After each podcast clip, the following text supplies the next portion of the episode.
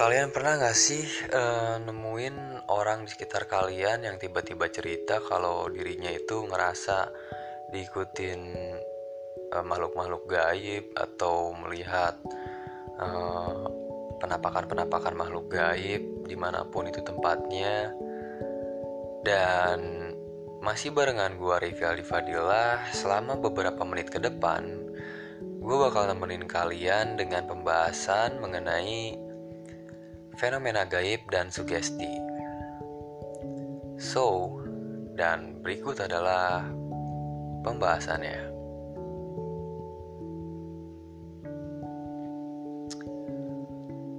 Sering banget nih gue nemu orang di sekitar gua mau itu teman ataupun tetangga ataupun siapa pun itu yang sering berinteraksi sama gua di luar rumah cerita mengenai pengalaman-pengalaman horornya dan sampai pengalaman-pengalaman horor mereka. Beberapa ada yang gue masukin ke podcast tentunya dengan si izin mereka juga. Dan juga ada juga kiriman dari pendengar-pendengar di podcast ini. So jadi untuk kalian mungkin yang mempunyai pengalaman horor bisa kalian kirimkan melalui alamat email rayfialdi.fadila@yahoo.com atau juga buat kalian nih yang ingin request mengenai apa aja yang bakal gua bahas di segmen Mystery Talks kalian tinggal DM aja di Instagram podcast ini di Scary Voice Podcast. Dan juga untuk kalian yang ingin mengikuti uh, podcast ini di sosial media jangan lupa follow akun instagramnya Scary Voice Podcast dan gua pribadi rayfialdi.fadilah oke okay, nah gua uh, biar biar biar biar kalian gak pusing nih ya gue bakalan uh, pisahin nih hal-hal yang sekiranya bisa dibilang benar-benar fenomena gaib dan juga hal-hal yang sekiranya bisa dibilang itu hanya sekedar sugesti manusia aja. Nah, sekarang kita bakal masuk ke poin hal-hal yang di mana uh, itu memang benar-benar fenomena gaib. Nah, contohnya gue pernah nih ya uh, dapet uh, cerita nih dari temen gue ketika temen gue itu nginep di sebuah villa di kota Bandung tepatnya di Bandung Barat dia pernah cerita sama gue kalau di sana dia uh, sempet nih ngalamin yang namanya kesurupan. Padahal nih ya for your information aja dia itu orangnya tipikal yang tidak terobsesi dengan dunia gaib ya apalagi dengan uh, hal-hal yang berbau klinik santet dan segala macam dia uh, suatu hari mengalami hal itu padahal sebelumnya dia tidak melakukan hal-hal yang sekiranya menantang penghuni-penghuni yang ada di villa tersebut atau juga pernah sompral dan hal-hal yang semacam lainnya dia padahal orangnya memang tidak terobsesi dengan dunia gaib dan juga cenderung lebih pendiam. Nah, mungkin karena pengalaman pertamanya itu uh, di dia mengalami fenomena gaib, dia itu uh, kayak yang excited atau bukan excited ya, mungkin lebih kaget. Jadi dia tuh uh, cerita gitu ke semua orang terdekatnya termasuk gua salah satu di antaranya dia cerita kalau pada saat itu dia ngerasa kalau tengkuknya itu atau ya tengkuk kalian tahu kan tengkuknya itu ngerasa berat dan itu terjadi secara tiba-tiba tanpa sebab uh, yang jelas gitu padahal dia sebelumnya cuman rebahan doang dan melakukan aktivitas-aktivitas kecil yang nggak akan bisa ngebuat tengkuk itu kerasa berat ya. Nah, jadi gimana uh, entah gimana detail ceritanya, yang jelas dia cuma cerita ke gua itu kalau jam 12 malam setelah selang 30 menit tengkuk dia ngerasa berat, dia itu tiba-tiba kehilangan kesadaran dan teman-teman yang di sekitar dia itu ngeliat kalau dia itu tiba-tiba teriak-teriak minta dua ekor ayam hitam untuk diminum darahnya sama dia langsung dan harus pada saat itu juga si ayam hitam itu ada di sana tersedia dan dia harus meminum darahnya di waktu yang sama. Kebayang gak tuh kalian kalau ada di uh, posisi itu atau kalian lagi lihat nih temen gua itu yang ya bersikap seperti itu pasti kalian akan ngerasa oh my god dia tuh kan pendiam nggak punya obsesi tentang dunia horor kok bisa ya kejadian kayak gitu? Nah hal yang kayak gitu menurut gua nih kayaknya bisa dikualifikasikan atau disimpulkan bahwa itu adalah bener-bener fenomena gaib gitu.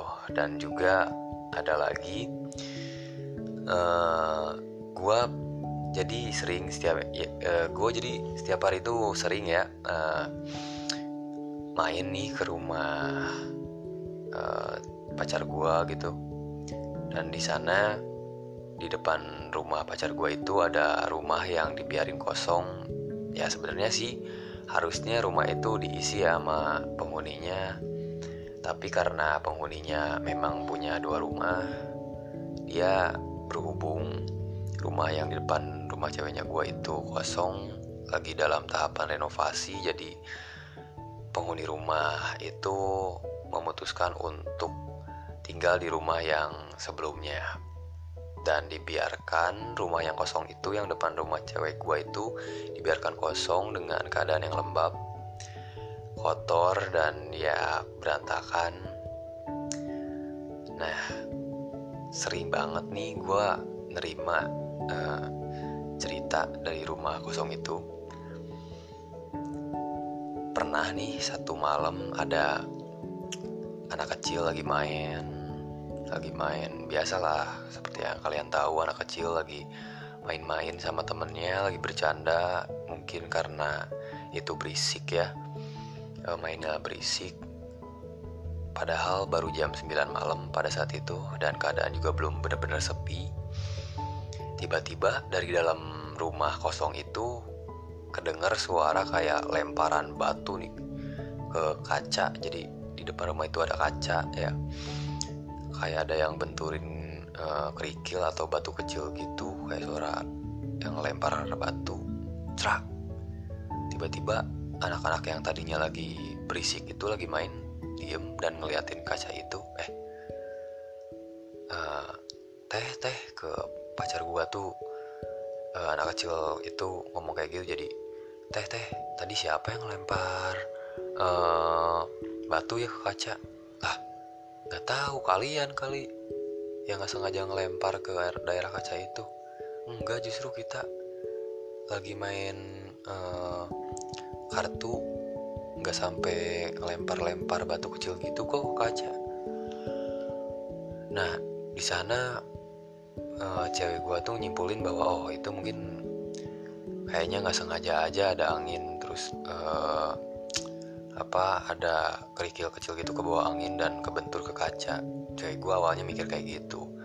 Nah setelah itu terjadi anak-anak kecil itu main lagi tuh ngelanjutin ngelanjutin mainnya dan lagi asik-asik main tiba-tiba sekarang uh, katanya nih kata yang uh, orang cerita nih sama gue waktu itu ada suara uh, seperti orang yang lagi aktivitas gitu di rumah kosong itu. Padahal jelas-jelas di dalam rumah kosong itu emang udah nggak ada apa-apa. Jadi si memang dasar lantainya itu emang belum dipasang jadi masih tanah-tanah kayak gitu.